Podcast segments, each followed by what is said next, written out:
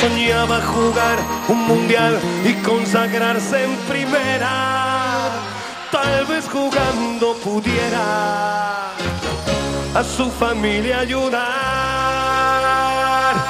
¡Grande Diego! Torque Lab. EAE Business School patrocina aquest espai.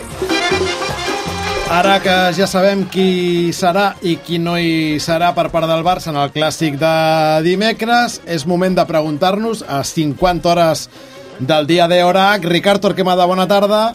Bona tarda. Com serà aquest clàssic? Com, com ens eh, l'imaginem? Perquè venim d'un clàssic de Copa en què el Barça va sobreviure gairebé amagat a la seva àrea i venim d'un clàssic de Lliga en què el Barça tranquil·lament durant una hora va ser amo i senyor del partit.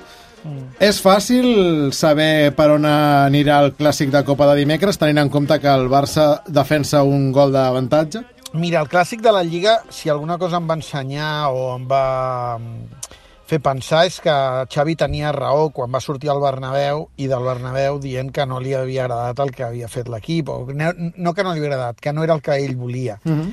Em, tinc la sensació que el clàssic de Lliga ens demostra que ell volia una altra cosa que va ser incapaç de fer al Bernabéu. Al Bernabéu el Barça també tenia la baixa de Pedri, però tenia la baixa de Lewandowski, que a més a més s'hi va afegir, i per tant, eh, després del que va dir Xavi i el que vam veure a la Lliga, jo crec que ja podem concloure que el Barça va ser incapaç al Bernabéu de tenir més, part, més pilota, més control, tenir el partit més, més dominat, poder tenir possessions més llargues i, i simplement el que va fer és intentar sortir viu, i va sortir no viu, no va sortir molt viu del partit perquè va complir molt bé amb la segona part del contracte, que era ja que no pot sortir defensat eh, el millor possible. No? Eh, I el partit de Lliga jo crec que el Barça ens va ensenyar això perquè el Madrid no va estar tan amunt en la pressió com el Bernabéu. Eh, crec que el partit de Copa el Madrid el va atacar amb la idea que el Barça tenia baixes i que volia eh, resoldre l'eliminatòria o encarar-la, i això potser li va passar factura des del punt de vista també de la precipitació, d'atacar en espais reduïts, on no, el Madrid no és gaire eh, no està gaire ben treballat i, i no és gaire eh, fluid, eh, i en el partit del Camp Nou jo crec que va jugar més amb el resultat. Necessitava la victòria, el gol arriba al minut 8 de Vinícius i diu, escolta, ja tenim una part feta, eh, anem una miqueta enrere, que tenim la Copa al cap i el Barça sense espais a veure què fa, tindrem transicions, podrem córrer, i això fa que el Barça, diríem que, que se senti més còmode amb el control del partit. Per tant, jo crec que, que anirà una mica condicionat pensant que el Barça torna a tenir un mig camp que no és el mig camp, la millor versió del, del, del mig camp del Barça, de l'actitud del Madrid i, i de veure com resol el Barça els problemes que el Madrid li plantegi. Si el Madrid s'espera, jo crec que és una gran, un, un gran senyal pel Barça. Menys exigència en la sortida, més facilitat per fer un pas endavant, jugar camp rival, encara que les possessions et durin poc perquè no siguis pulcre o siguis imprecís, el partit ja el tens localitzat més lluny, pots activar la pressió mm, més ràpid, eh, no oblidem que el gol del Bernabéu arriba d'una pressió, mira que en va fer poques o en va poder fer poques a camp rival, però les que va obtenir eh, d'una neix el gol. Vull uh -huh. dir que que el Barça ja no és només el que pugui generar en pilota, sinó a on pot defensar-se. I jo crec que si el Barça pot defensar-se a camp rival és més perillós.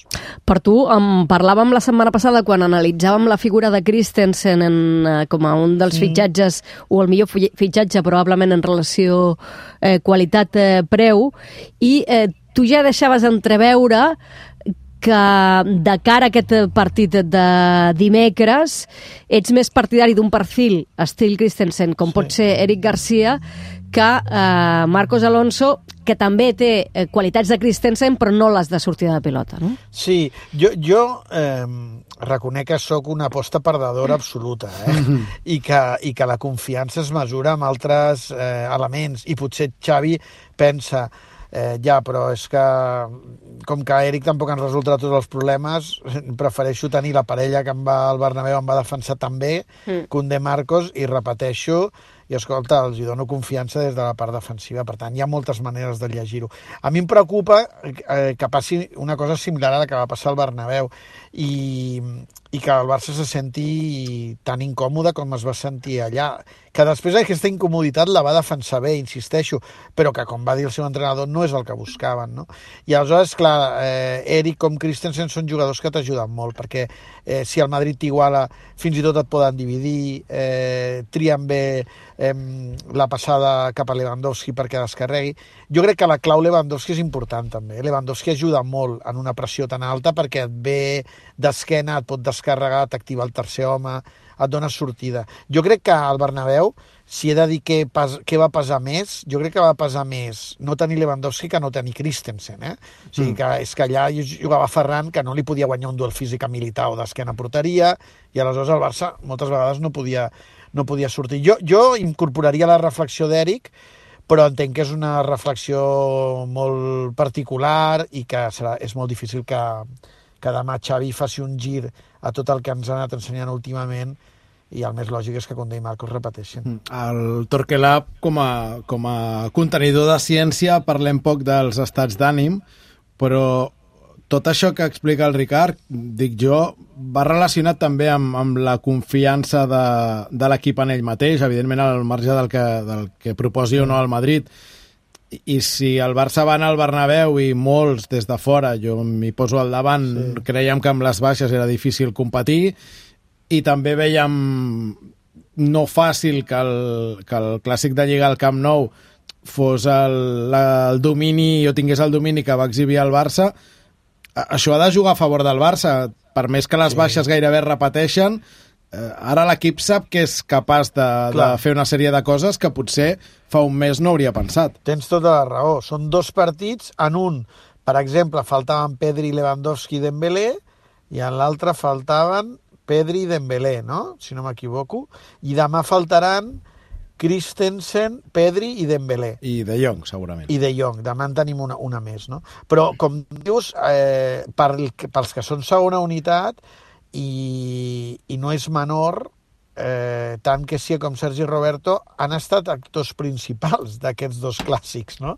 Quan ells ni tan sols s'ho imaginarien probablement fa uns mesos, no, no ser actors principals, sinó formar part, dirien, de la primera unitat. Eh, I això a vegades genera memòria positiva, i jo hi crec també amb això. És a dir, els jugadors saben que ho han fet.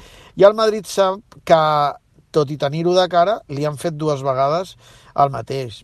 I jo crec que això iguala una mica el partit que des del punt de vista més pur a pes, si no tinguéssim aquests referents, home, doncs jo crec que el Madrid tindria avantatge com a mínim per intentar tenir el partit un vol, perquè no té baixes tan transcendents com les que té el Barça, en una zona que pel Barça ha de ser vital com és el mig camp.